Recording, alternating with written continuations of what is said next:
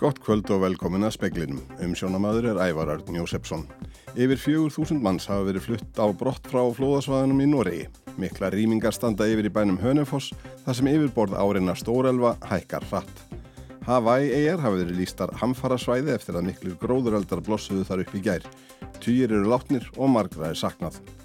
Fjármálar á þeirra segir að á komandi vetri eigi eftir að reyna á framlengingu kjærasamninga og á samtal við vinnumarkaðinu um hversu mikið menn eru tilbúin að leggja á sig til að halda aftur af verðbolgu.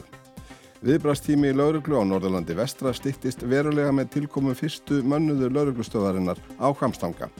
Sterkar vísbendingar eru um að staða barna með taugaþróska raskanir sé víða alvarlegi í íslenskum grunnskólum og dæmi um að skólarnir vísi börnum frá eða sinni ekki mentu þeirra.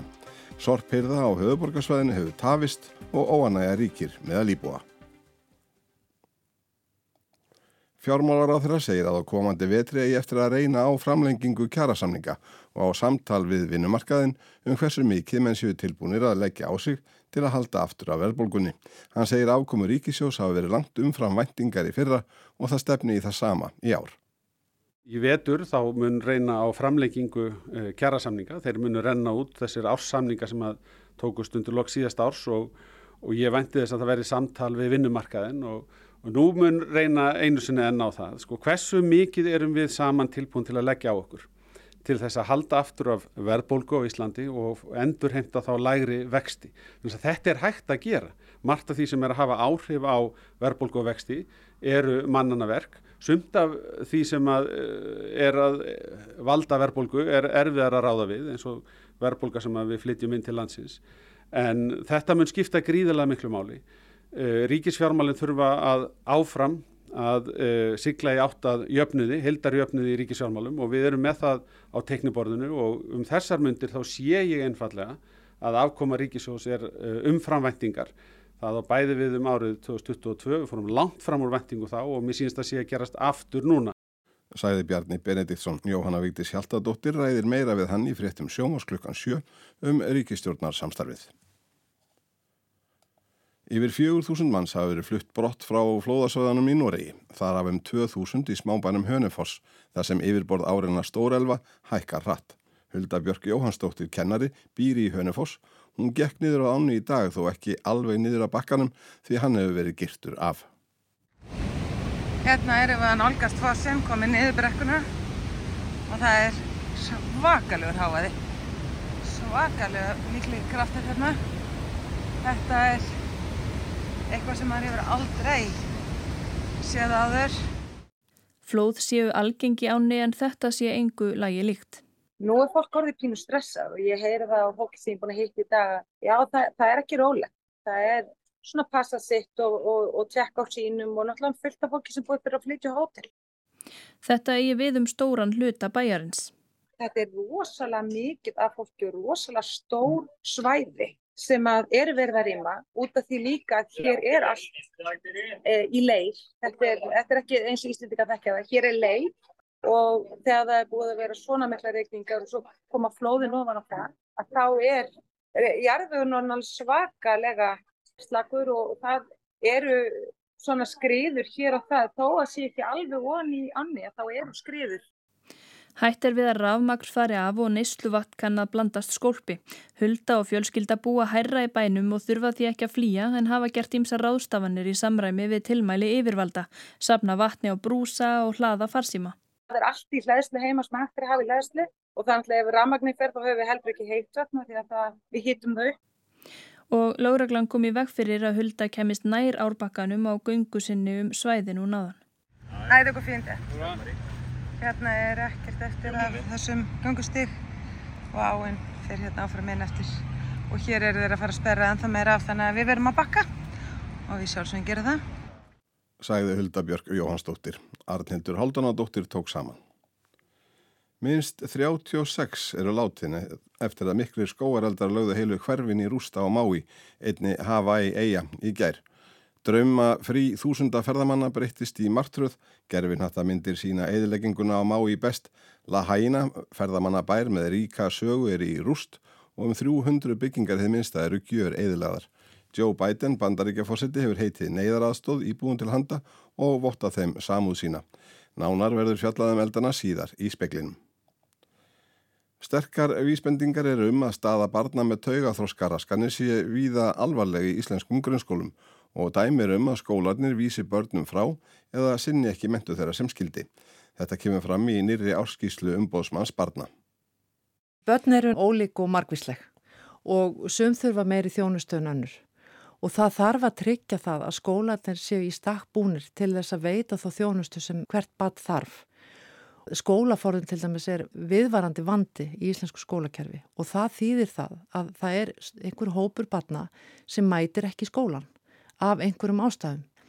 Það er hins vegar alveg ljóst að samkvæmt lögum og þá er skólaskelda í landinu. Þannig að það er bara ekki hægt að segja nóg stert hversu mikilvægt það er að öll börn mæti skóla og sé í skólanum og, og fái þann stuðning sem við þurfa þar. Hvaða úrræði hefur, hefur umbásmaður barna til að taka á þessu? Já, okkar hlutverk er að benda á þetta. Sæði Salver Nordal og nánar verður rætt við hana síðar í speklinum. Frá 1. september verður laurugluvarstofan á Hvamstanga mönnuð í fyrsta sinn.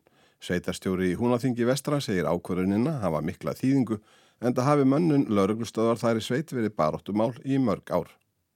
Áætlað er að tveir lauruglumenn hafi fasta starfstöð á Kvamstanga. Birgir Jónasson, lauruglustjóri lauruglunar á Norðurlandi vestra, segir að sér vitanlega hafi svo starfstöð aldrei áður verið mönnuð. Breytingin kemur til vegna aukina fjárveitinga til laurugluumdæmisins frá dómsmálaráðunitinu. Fyrir voru mannaðar lauruglu varstofur á Blöndu og Sög og Sögðarkróki en svæðið er viðfemt og því segir unnur Valborg Hilmarsdóttir, sveitarstjóri Húnaþings vestra, ákvörðunina hafa mikla þýðingu. Já, við höfum um langt skeið bent á það að það sé ekki hérna laurglumenn bara skapar ákveðna hættu fyrir íbúa og þá sem að fara um svæðið. Það, til dæmis með mannar í laurglumstöðu að verið viðbrastími til dæmis að koma upp óhöpp á Holtavöriheiði mun dittri. Við höfum bara því miður heist af því dæmi að, að íbúar hafa veira sér við að kalla til lauruglu í erfiðum aðstæðum því að vitað er að viðbrastímin er klukkutími jafnvel meira ef að enginn eitthvað staðar á, á blöndasögu og þarf að kalla út mannskapalvi frá sögurkróki. Plús náttúrulega líka að það hefur ótýrækt forverðnagildi ef að það er staðsittur lauruglumæður alltaf hér á, á staðnum. Sæði unnur Valborg Hilmarsdóttir, Amanda Guðrún Bjarnadóttir tók saman. Óanægi hefur gett hjá íbúðum í ákveðnum hverfum Reykjavíkuborgar vegna að tafa á sorpirðu. Íbúi Breðholti segir að tunnur hafi ekki verið tæmdar í sex vikur. Þá tók annar íbúi málinn í eigin hendur og fór sjálfur með tunnurnar í sorpu. Deildastjóri Sorpirður Reykjavíkur viður kennir að þjónustan séu eftir áallin og segir helstuð ástæðirnar vera nýtt flokkunarkerfi, sumarlefi starfsmanna og búnaður sem hendi ekki í tvískiptu sorptunnunum. Á fyrsta lagi erum við að byrja á nýju kerfi sem við erum að læra á og við sjáum að efnin sem að, hérna, eru í tvískiptu tunnunum með pappa og plast eru kannski ekki að koma úr ílátunum eins og við ætluðum þannig að, að, að það eru örlítið tafir á því. Við erum við líka verið að nota sagt, eh, eldri bíla sem að nýtast okkur ekki alveg eins vel og við heldum þannig að við höfum þurft að vera með tegjur á tunnunum. Við þurfum að, að losa hvert ílát á tvísasinnum í raun og veru. Allir treystið sér ekki til að segja með vissu hvinna er sorphyrða komist á rétta áallun en unnið er að því Þannig að það væri svona frekar óabyrt að fara að lofa ykkur í, þeim efnum sko. Fljótlega núna eftir þessa helgi verðum við betur mönnuð, þannig að, hérna, vonandi þá ganga hlutinni hraðar hvað það varðar en fólk mætti hafa í huga að aðstofa okkur með að flokka betur í ílátin heldur en, heldur en gertir. Allir segir að ekki setja tæma sorptunur sem ekki hafa verið flokka rétt í.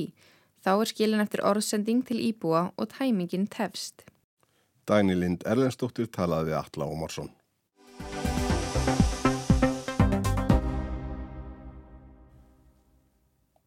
Að minnstakosti 36 íbúar bæjarins La Haina á eiginni Maui á Hawaii-eigum eru látnir vegna mikill að gróðurelda.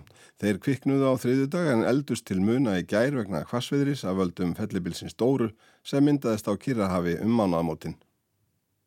Af myndum og myndskeiðum úr drónum og þyrlum sem tekin voru í gær mátti sjá hvernig gróður föðraði upp í vindinum. Að sogni yfirvalda náðan 35 til 40 metrum á sekundu þegar verðs létt. Á þriðja hundrað íbúðarhús, veitingahús og önnur fyrirtæki í Lahanja eru stór skemmt eða ónýtt eftir eldsfóðan. Um 35.000 íbúar Maui voru í lífshættu þegar eldhafið var sem mest. Sumur hlupu út í sjó til að bjarga lífinu. Strandgæslumenn komu nokkrum til bjargar, annara er leitað. Símasamband rópnaði með þeim afleðingum að margir vissu ekkert um afdrif ættingja sinna. When you see, you know, some auntie on the ground, probably dead, and you can't get in contact with your family, you just think the worst. Þegar maður sér fólk liggja á jörðinni sem líkast til dáið og nær ekki símsambandi við sína nánustu fer maður að óttast til versta, sagði vekkfærandi sem frettamæður MBC náði tali af í gær. Björgunarsveitir hafa staðið í ströngu við að aðstóða íbúa Mái, auk fjölda ferðamanna og koma þeim fyrir í neyðarskýlum.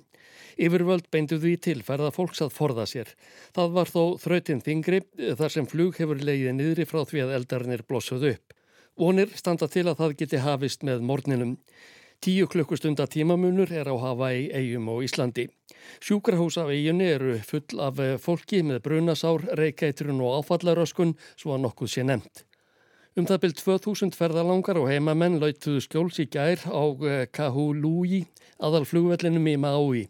Þeirra á meðal var Nýmæja Kakulúa sem sagði fréttamanni CBS að hún og sitt fólk hefðu talið þau vera örug þar til fórað hvessa.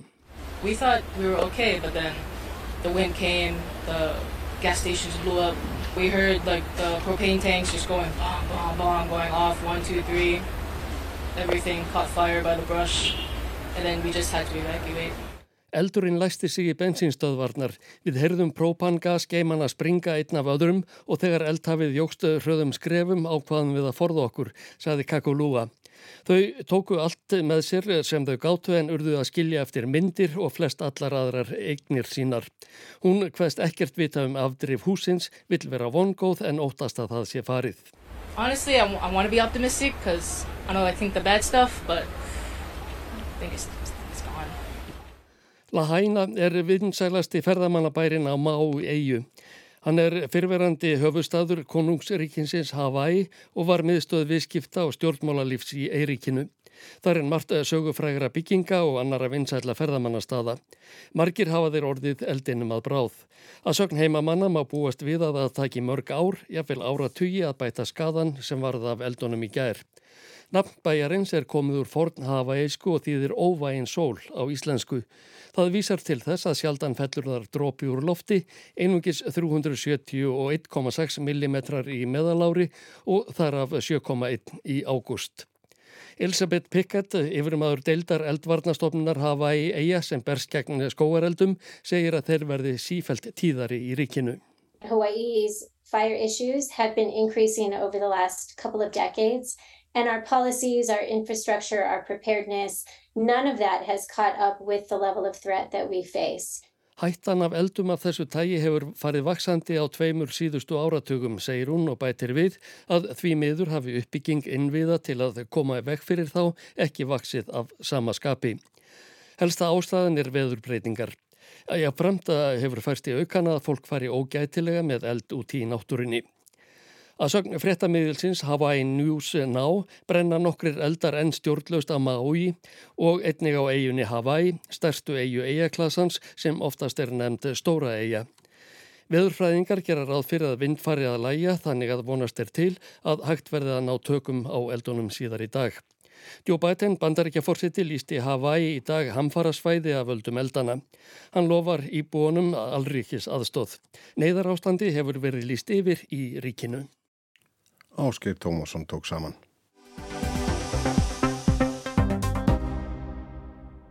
Réttindagesla barna er tilraunaverkefni á vegum umbóðsmanns barna og er hluti af innleiðingu barnasáttmála saminuð þjóðana. Í árskíslu umbóðsmanns segir að markmiði réttindageslunar sé að auðvelda börnum og eða forráðamannum þeirra að leita stuðnings og ráðgjafar við að leita réttar barns hjá stjórnvöldum telli þau brotið gegn réttindum þess. Fram kemur að af þeim málum sem þegar hafi komið inn á borð réttinda geslunar lúti mörg að erfileikum barna í grunnskólum landsins.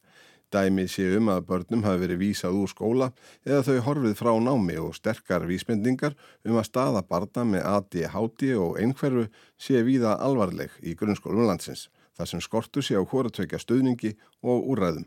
Salver Nordal, umbóðsmaður barna, segir töluverðan fjölda erinda þegar hafa borist en upplýsingar um hversu stór þessi vanrækti hópur er liggja ekki fyrir.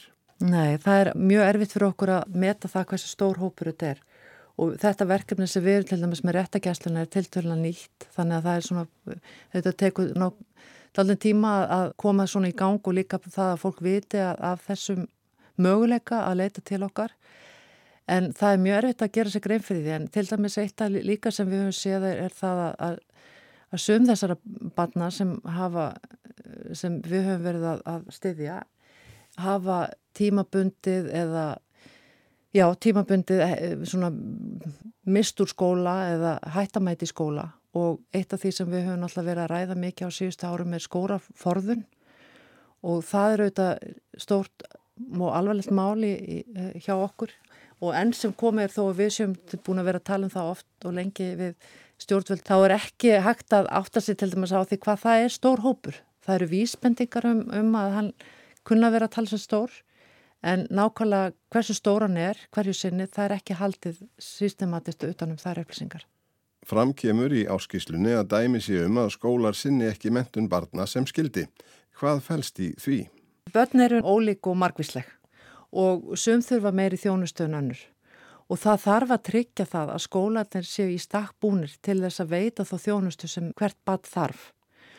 Og það er búið verið að ræða það núna í, í allmörg misseri að að skólaforðin til dæmis er viðvarandi vandi í íslensku skólakerfi. Og það þýðir það að það er einhver hópur barna sem mætir ekki skólan af einhverjum ástæðum. Og það getur verið marg skonar ástæður og, og líklega mjög margar. Það er félagslegar ástæður, það er einelti, það er kvíði það er, það er, og, og mögulega þetta þau, þau bara finn, þau fá ekki þá þjónustu, þau fá ekki þann stuðning sem þau þurfa og, og þar að leiðandi dettaði úr skóla tímabundið. Það er hins vegar alveg ljóst að samkvæmt lögum og þá er skólaskelda í landinu og öll börn eiga að fá skólavist og vera í skóla alla daga, all, alla daga skóla ársins. Þannig að það kom til dæmis mjög óvart fyrir nokkrum árum þegar var fyrir að tala um þessa skólafórun að það væri kannski stór hópu sem væri ekki að sækja skóla í raun og veru og þetta er auðvitað stórt atrið vegna þess að ég menna mentun, réttu til mentunar og, og bara mentun er svo gríðarlega mikilvægur þáttur í lífi barna. Þannig og skólinn og að skólinn sé bæði mentastofnun og, og bara haldi félagslega utanum barnið og, og það er þessi félagsþróski líka sem kemur með skólagöngunni. Þannig að það er bara ekki hægt að segja nóg stert hversu mikilvægt það er að öll börn mæti skóla og sé í skólanum og, og fái þann stuðning sem við þurfa þar. Hvaða úrræði hefur, hefur umbásmaður barna til að taka á þessu?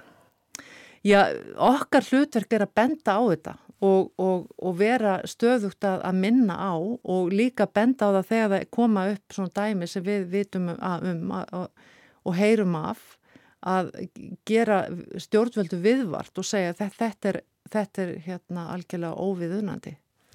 Gerir þið frumkvæðis ansóknir eða er þetta uh, treystið algjörlega á ábendingar frá þeim sem þetta bitnar á og þar að segja börnunum og mögulega forráðamennum þeirra? Já, við höfum ekki bólmagn og, og, og er, okkur er ekki ætlað að vera með frumkvæðis rannsóknir þannig. Og þannig að við, við, erum, við treystum á já, að, að það sem við heyrum og, og þess vegna er náttúrulega til dæmis réttindi gæslan mikilvæg fyrir okkur því þar fáum við náttúrulega margvíslegar upplýsingar um stöðu barna Til að koma á upplýsingum um möguleg brot gegn réttindum barna til réttindagæslunar er einfaldast að senda umbósmanni barna tölvupost eða ringja í barnasíman en bæði netfang og símanúmer er að finna á heimasíðu en bættisins barn.is. Í áskýslinu er einni vikið að ráðstefnu sem haldinn var í tengslu við ársfund Európusamtaka umbósmanna barna sem haldinn var í hörpu í fyrrahaust og fjöldi barna tók þátt í, enda meginefni þeirra ráðstefnu það sem kallað var lofslagsréttlæti og réttindi barna. Það er náttúrulega það sem er svo merkilegt við þennan málaflokk og lofslagsmálinn er það að þau hafa verið e, mikið til drifin á, áfram af ungu fólki og börnum og þau hafa verið að vekja stjórnvöld til uh, vakni og vekja þau upp sagt, um, um mikilvægi þessa málaflokks uh, allstaðar í heiminum og Evrópsku samtök umbósmannabatna þau halda alltaf árlega fund með svona ákvöndu þema og það sem við vorum að fjalla mikið um var einmitt um, um stöðu þeirra batna meðalans. Það er svona margt að þetta ræði í sambandi við þetta efni. Við vorum til dæmis að ræða um stöðu þeirra batna sem eru taka að sér að vera að beita sér fyrir sínum réttendum og það var heilmikil umræða um stöðu þeirra og hvernig við sem umbósmenn batna getum stutt þau til þess að koma sínum sjónamöfum á framfæri og hvernig var líka hægt að passa að þau eruð ekki fyrir óvagnum árásum sem eins og til dæmis á samfélagsmiðlum og sum þeirra hafa fengið mjög óvagna svona óvægin viðbröð og sem er auðvitað mjög vandarsamt fyrir ung börn eða, fyrir börn sem kannski 15-16 ára að, taka þátt í slikri umræði. Það var eitt þáttur við vorum Hluti af þessum rástafnum er líka að þarna eru ungmenni, sagt, börn uh, á vegum okkar taka mjög virkan þátt og þau komu sínum sjónamöfum á, á framfari.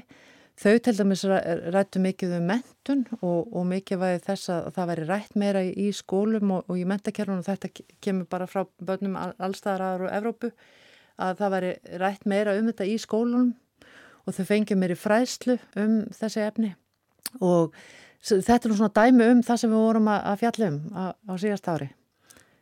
Og eh, er þetta eitthvað að brína þá stjórnvöld til þess að huga sérstaklega hagsmunum ungmenna í þessum eh, aðgerðum gegn lofslagsmálum eða hvernig, hverju skila þessi vinna?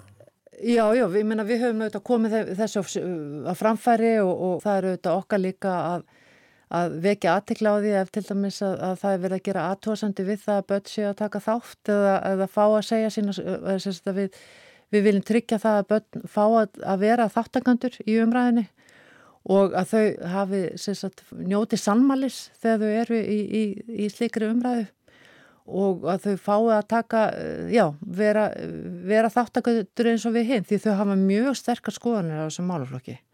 Það hefur náttúrulega komið mjög skýrt fram, bæði hérlendis og elendis. Þau hafa náttúrulega mjög miklar áhyggjur því þetta eru auðvitað málefnir sem, sem varða þeirra, alla þeirra framtíð og kannski með miklu skýrara hætti heldur en okkur sem eru talst mikið eldri. Þannig að, að það er mjög mikið að við séum að hlusta á börninu og það er náttúrulega okkar hlutverk sem umbæðsmann barna að, að brína það fyrir stjórnvöldum að hlusta á börninu og taka mark á því sem þau eru að segja. Sæði Salfur Nordal.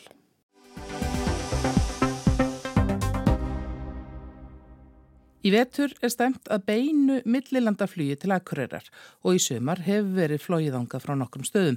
Kristján Sigurjónsson, reittstjóri túrista, telur ljóst að beintflug íti undir vetrarferðamennsku á Norðurlandi. Þó að ekki hafi gengið áfallalust að tengja höfuðstað Norðurlands við meiland Evrópu, þá geti aðkoma öflugra erlendra flugfélaga tölverðu breytt. Tveimur, jafnvel þremur miljónum ferðamanna eins og spár er nú verður að dreifa yfir árið og um landið betur en verið hefur til að mæta álæginu að dómi önnudóru Sæþórsdóttur profesors í ferðamálafræði sem rætt var við í speklinum í gær um þolmörk í ferðarþjónustu. Það er til dæmis hægt að stýra þessu með því að laga innviði, láta innviðina anna þeim fjölda sem að þanga kemur.